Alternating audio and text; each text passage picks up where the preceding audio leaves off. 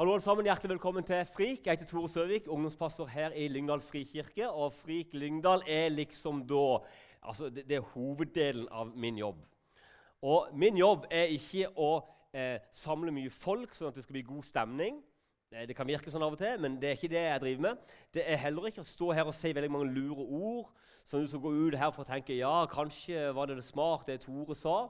Jobben min er ikke prøve å lage et bilde av en menighet og en organisasjon og en gjeng med folk som du kan kanskje bli en del av dette her opplegget her, og så skal det bli veldig kult. Nei, det jeg har lyst til, wow, det jeg har lyst til, det er å lage et bilde av Jesus.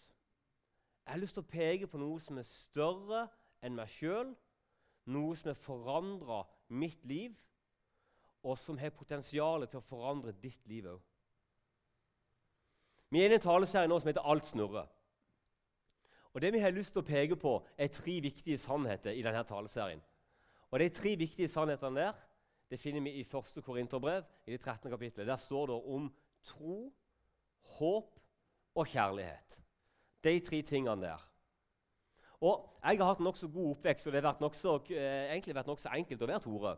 Eh, og så hadde jeg en tid både på barneskolen og ungdomsskolen der jeg eh, var lei av både kirke og alle disse tingene her, og hadde ikke noe lyst til å være en del av det, så, så jeg, jeg gled på en måte veldig sånn vekk fra det og gikk over i en helt annen rytme i mitt liv, eh, som førte med seg en del dårlige uvaner, for det første. Eh, en del dårlige valg og eh, en del ting som fikk noen konsekvenser for meg. da. Og så eh, skjedde det at det skjedde en, en ting som gjorde at jeg på ny på en måte begynte å søke tilbake til Gud. på en måte. Og så ble det en forandring. Så ble mitt liv snudd opp ned i en prosess over tid. Og så vet jeg derfor hvilket potensial jeg har for alt som er dritt og dårlig og som er nedbrytende, for det har jeg drevet med. Og jeg vet hvilke konsekvenser det får. Jeg var ikke en tung kriminell eh, type som spiste levende kattebarn til lunsj. Var ikke, jeg var ikke der. Men jeg var på en måte i en sånn setting der veldig sånne destruktive ting skjedde. Og så har jeg vært i en annen setting der det har vært positive ting. Jeg har vært i både, altså i både bedehus og menighetsliv som ikke har vært perfekt, for det er det ikke. Men som bygger meg på en helt annen måte. Og så har jeg ikke kommet i mål på alle ting, men når jeg har valgt å på en måte se på Jesus mer enn bare på det som er rundt meg, som jeg sa innledningsvis, så har det vært en forandring. Så i dag så har jeg lyst til og prøve å peke på noen ting som kanskje kan snu litt opp ned på ditt liv. I denne taleserien her så har vi liksom hatt tro, håp og kjærlighet. Og vi har hatt noen bilder som vi har brukt på det. Og så ser jeg når jeg skulle forberede meg til denne talen her, at jeg har jo, jeg har jo bomma. Jeg har jo sagt feil omtrent på noen ting. Ikke sånn her bibelsk feil, sånn at jeg egentlig så bør slutte som pastor, men jeg har blanda noen av symbolene sammen. For når vi snakker om tro, så har vi ofte et symbol for tro. Tro, håp og kjærlighet så er det tre symboler de bruker. Er det noen her inne som vet hva det første symbolet er? Tro. Hva er det symbolet der? Noen som vet det? Kom igjen, opp med hånda. Ja? Et kors, ja. Tro med et kors. Og så snakker vi om håp. Er det noen som vet hva symbolet for håp er? Hmm? Et anker. Ja, stemmer. Et anker, noe som holder. Og så har du det siste kjærlighet. Nokså enkelt. Symbolet for kjærlighet, det er Ja, det er hjertet. Med RFSU foran og så et hjerte bak. Nei, det var ikke det. Ingen tok den. det er helt greit. Jeg er glad for ikke du tok den. I dag skal jeg snakke om full sirkel. Full sirkel. Jeg skal prøve å komme inn på de tingene her. Og Selv om jeg brukte de symbolene kanskje litt feil, så tror jeg vi var innom mye av dette. Jeg skal prøve å hente fram de tingene her. Um. Det første tro. Tro. Da snakker vi om korset som et bilde på tro. Um. Jeg sa noe om det i første talen, det at tro er ofte, det å tro på Jesus er ofte noe vi tenker at det er jeg som må være veldig proff og flink. og sånne ting. Men Bibelen beskriver nokså tydelig at tro er noe som blir gitt oss. Tro er en gave. Det er noe som Gud gir med sin ånd til de som kommer til ham. Så Det handler ikke så mye om det, det handler mest om Jesus. Og Samtidig så snakker vi om å gå i tro. Det vil si at vi, at vi skal leve ut en tro. Det er noe som vi skal velge. Tar du gode valg, så skjer det gode ting. Det er ikke sånn karmaopplegg. det, det, at, det er sånn At universet har en eller annen kraft som bare skal fikse for deg. Det tror ikke jeg på. Uh, men jeg, jeg, tror på konsekvenser. Jeg tror du skal så det du høster. Hvis du leser godt på en prøve, så får du bedre karakterer. Det er ikke karma, det er konsekvens. Ikke sant? Er du snill og grei, så får du en del venner. Det er en konsekvens. Så når vi skal tro, så skal vi velge noen ting, og vi skal, vi skal ta noen gode valg. Og samtidig som vi forstår og tro er noe som Gud gir oss. Det handler ikke om hvor proff jeg er. Så er det håpet, ankeret. Et anker det er et bra bilde, egentlig, for det er noe du ikke ser. Ankeret ser du aldri. Når ankeret er ute i sjøen, så ser du det ikke. Det er noe dypere, noe du ikke forstår, som er der, og som du kan på en måte holde fast i.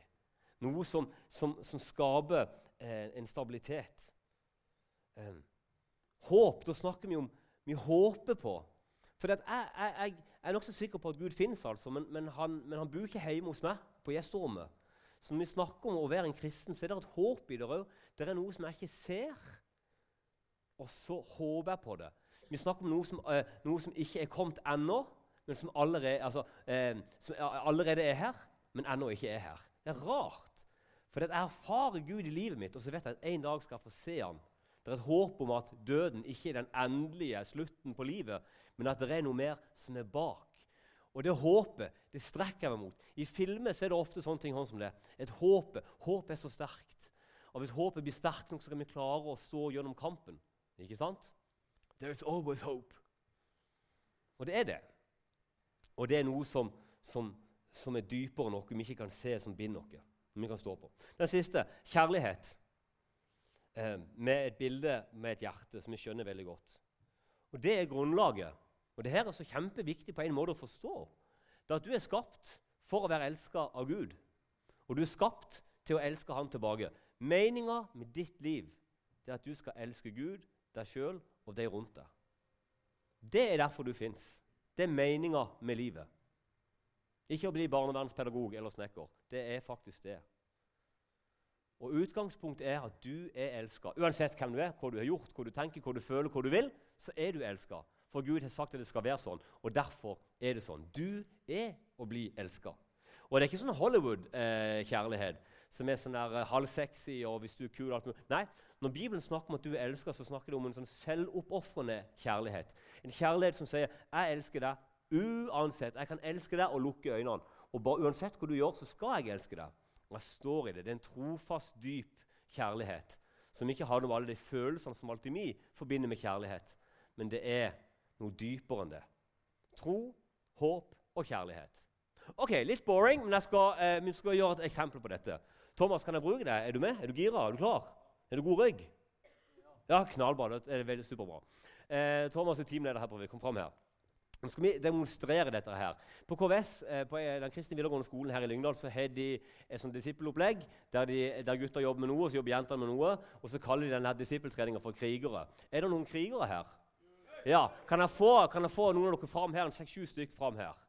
Seks-sju krigere kommer fram her. Du er en del av dette. Ja. ikke sant? Så du kjenner jo igjen. Bare stå her. Det er greit. Dere kan bare stå her. Sånn, ja, fint, fint, fint. Her har du altså eh, krigerne, og her har du gjengen. Nå skal vi demonstrere tro, håp og kjærlighet med denne gjengen som er her. Dette er ikke planlagt, men jeg ville det skulle være litt, grann, eh, litt, sånn, litt sånn spontant. Vi skal altså ha, nå ha det vi kaller for et tillitsfall.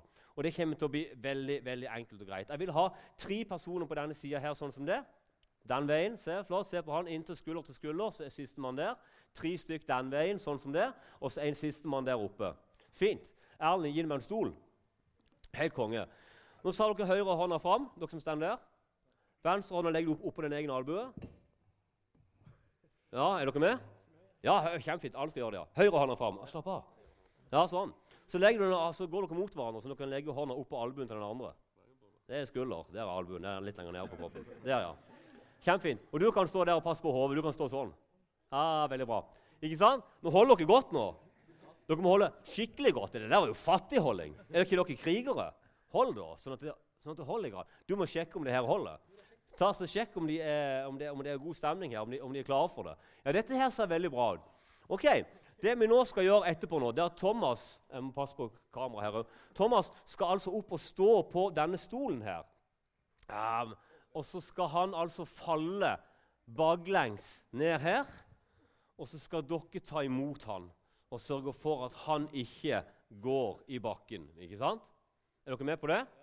Du hadde veldig godt poeng her på at dere ikke skaller hverandre når, når, han kommer inn der, og at du holder så godt at trykket kommer. Trykket kommer primært der, for det er der, der rumpa er. Rumpa er jo den største muskelen, så det skulle bare mangle at du var tyngst der. Ok? Eh, og så skal vi på en måte her, nå, nå skal vi ta, det her blir litt bra eksempel. skjønner du. Litt teit, men litt bra. Tro, håp og kjærlighet. For hans del nå så når han skal ta dette fallet og oppleve denne her, og kjenne på det kile i magen og det er god stemning Det er så bra. Jeg var sammen med en en gang som var konfirmantleder. og Han var så sånn ut. Han var 100 kilo, liten type, han var sabla svær. Og han skulle gjøre det her med konfirmantene en gang. Han For å vise dette her, og konfirmantene holdt, og disse jentene på 14 år sto og holdt. Bang i bakken gikk han. Det var bare smekk ned og slo seg skikkelig. ikke sant? Så, eh, men i og med at her er krigeren, så regner jeg med at det, at det går bra. Men ikke sant? han må jo nå på en måte tro dette. Det er sagt. Dere kommer til å holde, ikke sant? Det, det, det, det blitt sagt nå. Og nå kan han på en måte tro det eller ikke. Det er klare her nå. Han må tro det. ikke sant? Han må tro det, og så må han gå i tro. Det er blitt sagt at det kommer til å ta imot ham, eh, og det, er, det, ligger til rette. Det kan han se her. Så nå er alt klart for dette. Nå må han velge det å gå i det. Det handler jo om han blir tatt imot nå eller ikke. Thomas. Om han blir tatt imot eller ikke. Det handler ingenting om han nesten. Ikke sant? Hvis han står her nå og hopper ned her, så går det ikke. Ikke sant? Han må gå i den retninga der, han må følge instruksjonene og alt mulig. Men, eh, så det handler litt om han, men det handler mest om deg. Tro handler mest om det de gjør nå. Tro når vi snakker om det her i Bibelen, handler mest om det Gud gjør. Du kan få lov til å stole på Gud, at han elsker deg, at han har skapt deg, at han vil noe for deg, at han bærer deg, at han er sterk nok, at det er evig, at det er sant, osv. osv. Det kan du tro på. Det er det som blir sagt i Bibelen. Det som blir sagt at dette er sannheten. Og det må nå Thomas velge å tro på og legge seg i. Det er tro. Bra bilde, hæ? Ja, det er det. Ja, bra. Ikke sant? Og så har du håpet, da. Så er du håpet. Håpet om at de faktisk klarer å holde det. De, han vet jo ikke det, Thomas. Det er jo ikke helt sikkert. Jeg tror det, og jeg har bare gode erfaringer med dette. Men det er jo ikke helt sikkert. Opp med hånda hvis du hopper i strikk noen gang. Det har jeg gjort mange ganger. Det er noe av det feteste jeg vet. Og Når du står der, så er du helt sikker på at du gir maks instruksjoner. sånn og sånn skal det være, Og du vet at det går. For det går jo hele tida. De, de folkene her de lever det, de jobber med dette her. ikke sant? Men det kan jo være at strikken ryker i dag. Det kan jo være at ikke det holder i dag. Og det, det kan jo være. Men jeg håper det gjør det, og jeg tror at det gjør det. Og derfor så hiver vi ut i det. Så håpet til Thomas nå er jo Ja, de sier at de er klare, alt mulig, og nå håper han bare at det går. sant?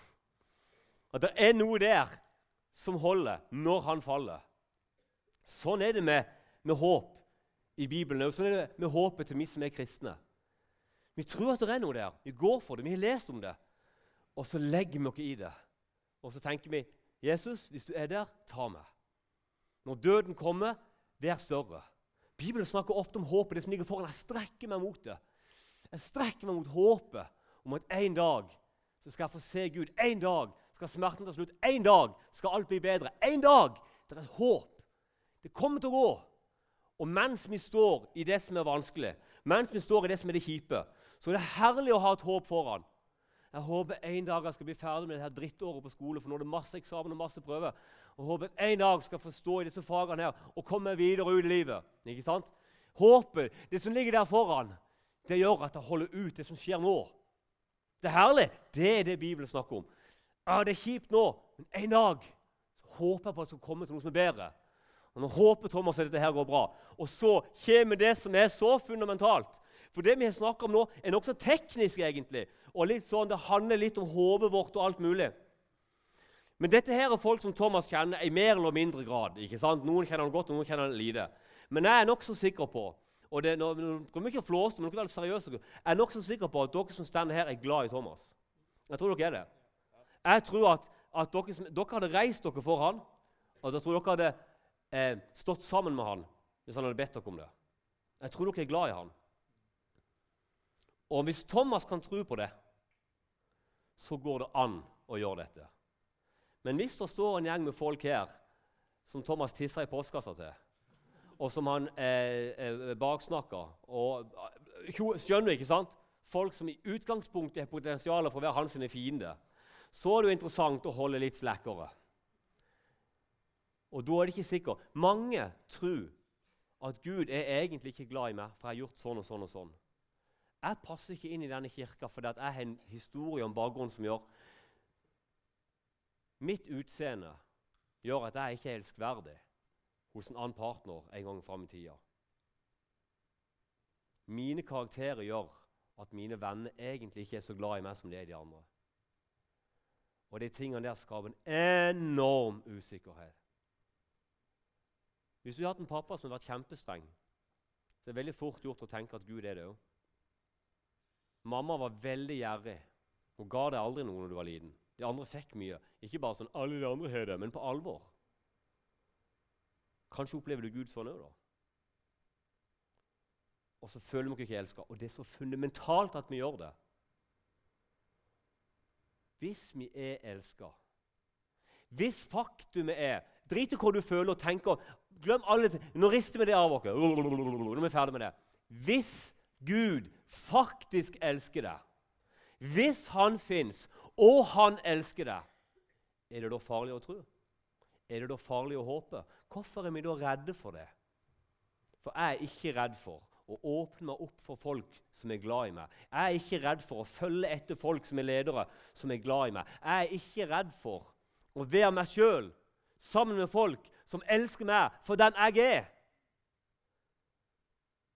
Når vi snakker med folk som snakker om at tro er vanskelig, kirke er vanskelig og kjipt, alt dette, så er det alltid en eller annen tosk som har sagt noe til dem fra ei kirke, som var helt taper det de sa.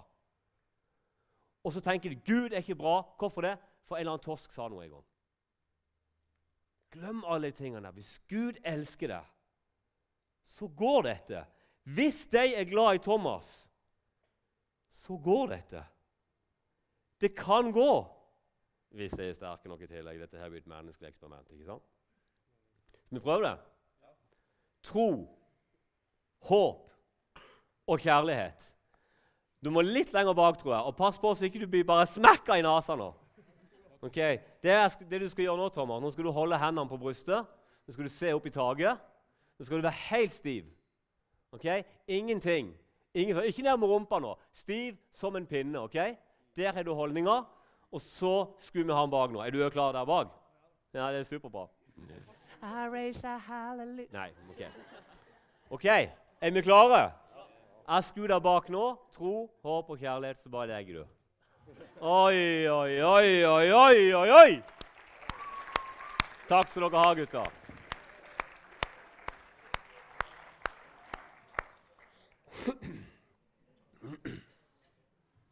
Noen her inne har en feil tro. Noen tror at å tro vil si at du må klare å tro.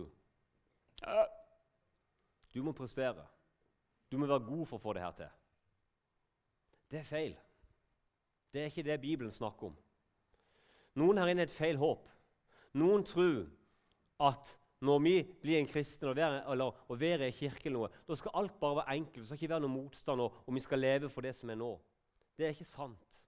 Å være en kristen betyr å miste seg sjøl, dø vekk fra seg sjøl og gå inn i motgang. Være annerledes. Men det er et håp som ligger foran, som peker på noe som er mye større. Noen her inne har en feil opplevelse av kjærlighet. Kanskje er det det største problemet som vi har. For Vi blir pepra med mange forskjellige forestillinger om hva det er for noe. Og i bunn og grunn så ligger det Når jeg, når jeg har samtaler med ungdommer, og jeg har hatt hundrevis av samtaler I 17 år har jeg jobba med dette. Hatt masse samtaler. Og det er så ofte at problemet ligger i en opplevelse vi har hatt som barn i forhold til f.eks. For mamma og pappa. Og Når jeg graver dypere inn i de tingene som er, og prøver å spørre noen spørsmål, så kan jeg nesten begynne Jeg, skal, jeg kunne nesten begynt hver eneste samtale og sagt at jeg tror egentlig at du ikke føler deg ordentlig elska. Du føler deg ikke god nok. For det er omtrent 50 av de tilfellene jeg sitter i, er sånn som det. For min feil opplevelse og erfaring og tanke om hva kjærlighet er for noe. Og Når vi snakker om den bibelske kjærligheten, så er han trygg. Han er god, han er ren, han er ikke usømmelig, han krenker ikke, han tenker ikke på seg sjøl. Det er noe helt, helt, helt annet. Og det er den kjærligheten som Gud har. En feil tro, et feil håp og en feil kjærlighet det skaper falskhet. Det kan aldri bli liv i det. Det kan aldri bli ekte, det kan aldri bli godt. Jeg skal lese noen vers for deg nå. Jeg skal lese nokså mange vers, faktisk. Og jeg vil at du skal prøve å konse litt inn i dette her nå. Jeg vet at det er, det er vanskelig, og det er, mange, det er mange ting. Men her står det noen ting som er så bra. Det står i Efeserne, i det andre kapittelet, og fra vers 4. 4 til og med 10 skal jeg lese nå. Jeg skal gjøre litt om på det. Det er ikke ofte jeg skal tøyse med Bibelen. Jeg skal gjøre litt om på det. Jeg kommer til å bytte ut noen av ordene, sånn at det skal passe til deg og til ditt liv og din situasjon. Ok? Jeg vil at du skal tenke at det som leses nå, det leses til deg. Jeg spurte ikke hvordan du følte det, erfaringa di, hva du tenker sjøl. Men dette her er til deg. Gud er rik på, på barmhjertighet fordi han elsket deg med en så stor kjærlighet. Så gjorde han deg levende med Kristus, du som var død på grunn av dine misgjerninger. Av nåde er du frelst. I Kristus Jesus har han reist deg opp fra døden sammen med ham og satt deg i himmelen med ham. Slik ville han i de kommende tider vise hvor overstrømmende rik han er på nåde, og hvor god han er mot deg i Kristus Jesus. For av nåde Det betyr gratis, det er bare en gave. det er ikke noe du fortjener. For av nåde er du frelst ved tro. Det er ikke ditt eget verk, men det er Guds gave. Det hviler ikke på gjerninger for at du ikke skal skryte av deg selv, for du er Hans verk, skapt i Kristus Jesus til gode gjerninger, som Gud på forhånd har lagt ferdig for at du skal vandre i dem. Det forandrer alt. Noe Gud har gjort, og noe som Han vil gi til deg. Han vil gi det til deg. Selv om alt snurrer, selv om alt er vanskelig, selv om ting er rart, så stender i 1. Korinterbrev, kapittel 13. Så blir de stående. Og det er så bra, for før det så beskriver de alt som kan skje i denne verden, og alt mulig kaos. Og så stender så blir de stående, disse tre. Det kommer til å stå der. De kommer til å være stabilt. Det kommer til å runge i universet for alltid. I Jesu navn så blir de stående. Disse tre tingene vil alltid være der. Tro, håp og kjærlighet. Men størst blant dem er kjærligheten. Det er for at du skal forstå det. Kjærligheten er det største av alt. Hvor stor er denne kjærligheten? Hva er det det snakker om her? Hva, hva, hva, hva er det alle disse ordene med tro og med håp og med kjærlighet? Mye teori og alt mulig. Vet du hva? Det er så konkret. Hør på slutten av talen. Jeg skal avslutte med dette. Hør nå. Gud skaper et helt univers, og så setter han deg som en del av det skapte, i sentrum av det, til å være hans barn. Ikke tjener, arbeider, slave. Du er skapt til å være hans barn. Derfor er du elska. Til og med når vi som mennesker, og du òg, går i så mange feile ting og gjør så mye ondt og det er så mye fælt i denne verden at vi nesten ikke orker å se på nyhetene. Og i hvert fall ikke på våre egne liv. Det er ikke rart vi tenker at vi ikke er elskverdige. Det er ikke rart vi ikke tenker at vi ikke er bra nok. For i, i bunn og grunn så er vi jo ikke det. Og jeg tror egentlig ikke vi er det heller. Men vi er likevel elska, ikke pga. at vi prøver å fikse på det. På tross av dette så er vi allikevel elska. Og Jesus han, han, han, ser problemet ditt. Han skjønner at du ikke strekker til. Han skjønner at du ikke er god nok, og at verden er falt. Verden er mørk. Så han velger sjøl å komme ned på jorda. Og så går han inn i vår verden, inn i vår smerte. Han har prøvd i alle ting. Han vet hva det vil si å ha det vanskelig og kjipt og forferdelig. For han har hatt det, så han skjønner det. Og så går han gjennom disse tingene uten å feile, sånn at vi skal ha et forbilde, noe vi kan strekke oss mot. Ikke sånn 'gjør så godt du kan'-opplegg. Nei, en som faktisk fikk det til. Og vi trenger så gode forbilder. Det er tusenvis av forbilder i den tida vi lever i nå. Og de er bare halv, sånn delvis gode, noen av dem. Og Jesus han går og gir oss et bra forbilde.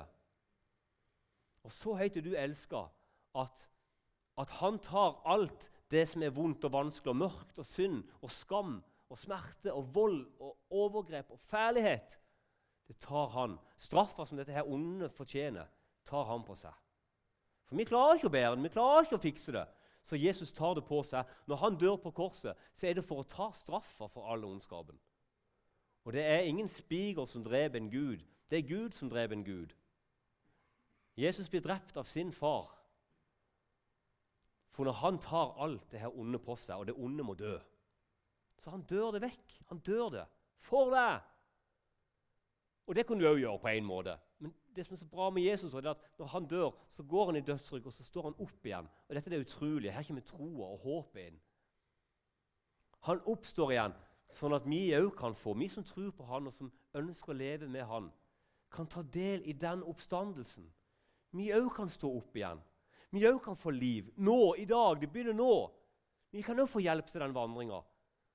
Men òg til det blir etablert et håp om at vi en dag skal stå opp ifra døden. Og få være sammen med Han som elsker oss, som skapte oss, som ga livet sitt for oss. Tro på kjærlighet. Det er det kristen tro handler om. Det er dette. Det er dette det går i. Evigheten ligger allerede etablert, og Gud kaller på deg.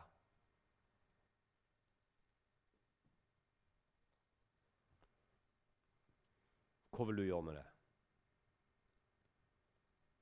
Troa er ferdig. Den er klar som en gave. Du kan bare få gå i tro inn i det. Håpet, himmelen, ligger klart allerede i prosess i smerten vi står i nå, så vil du bli, til, bli tilbudt et håp om noe mer og noe annet etterpå. Og kjærligheten som forteller at du faktisk er elska. Alt ligger klart. Det du må gjøre, er ikke å forstå det, bli proff og få orden på Nei, du må ta imot det. Ta det. Si til Jesus 'Jeg vil tro på deg'. Si til Jesus 'Jeg har feil, jeg vil ha tilgivelse'. Si til Jesus at, at jeg, jeg trenger din tro, ditt håp og din kjærlighet. I 2000 år har Kirka erfart at da skjer det. Da blir det gitt. I mitt liv så betydde det en prosess der jeg kunne gå vekk fra de dårlige valgene inn i andre nye ting.